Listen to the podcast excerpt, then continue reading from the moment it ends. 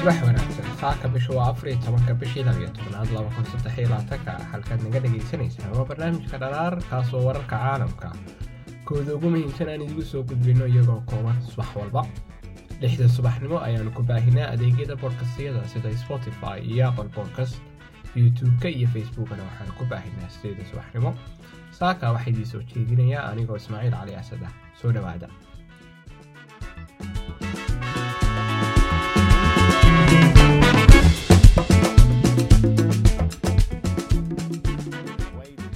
floodwaters as they fled a UN run school in the Jabalia refugee camp after it was hit by Israeli shelling.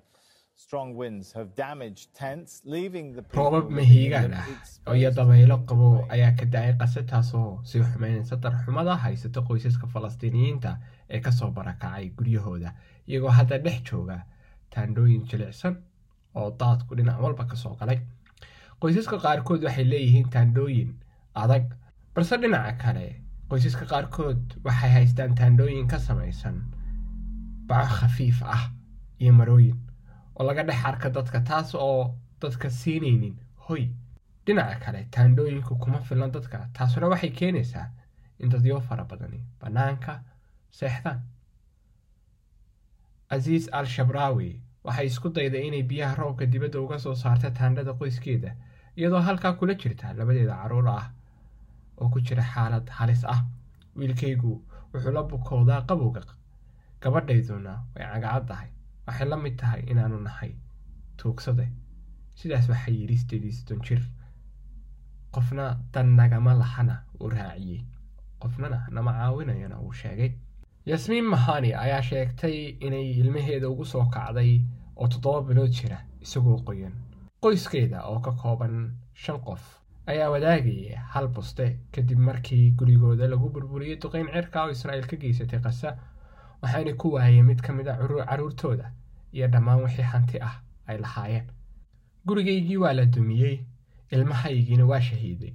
Aniguna waxaan hayaa waddadaas ama dhammaantaya waxaanu haynaa waddada shahiidnimada. Sidaas ayay tiri. Waxayna kaloo raacisay inay tahay meeshii shanaad ay u guuraan iyagoo ka soo qaxay meelo kale waxay sitaan ma jiro oon ka ahayn shaaran. Sidaasna way sheegtay. Muuqaalo lagu baahiyey barahan bulshada ayaa muujinaya dad dhex mushaaxaya waddooyin daadku qaaday iyagoo sita xubno qoyskooda oo lagu dilay duqeymaha israa'iil ka geysanayso qasa iyagoo ku duuban kafanti roobabka mahiigaanka ah iyo dabaylaha. Waxa ay adkeynaysaa in dadka la aaso shahiiday taas oo ka dhigan in xaaladda qasa intii hore ka sii xun tahay. Wariyaha aljaziira taraq abu azuum oo ka soo waramaya almawaasi ee koonfurta qasa ayaa sheegay in roobabka da'ay ay caqabado horle ku keeneen inta badan falastiiniyiinta. Waxay si gaar ah walaac ugu haysaa kuwii guryahooda ka baxay oo raacay awaamirta ciidamada israa'iil ee uu qaxay dhanka koonfureedna uu sheegay.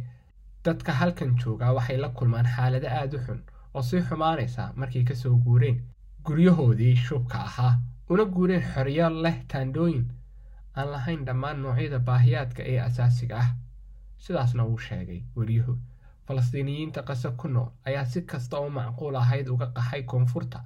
Tobanaan kun oo qof ayaa ka soo qaxay dhinacaas iyagoo qaarkood adeegsanayaan baabuur gaadhi xamuul ah gaadhi faras gaadhi dameer ama kuwa qaarkood lugtooda ama cagahooga maalaya. Rafax ayaa waxay taasi u beddeshay taandhooyin iyo hoy ka samaysan alwaax iyo baco qaramada midoobay ayaa sheegtay in dadka ay u qaxayaan ama u qaxeen koonfurta ay wajahayaan xaalad musiibo ah iyadoo dad badani ay saacado ku sugayaan agagaarka xarumaha lagu qaybinayo sahayda.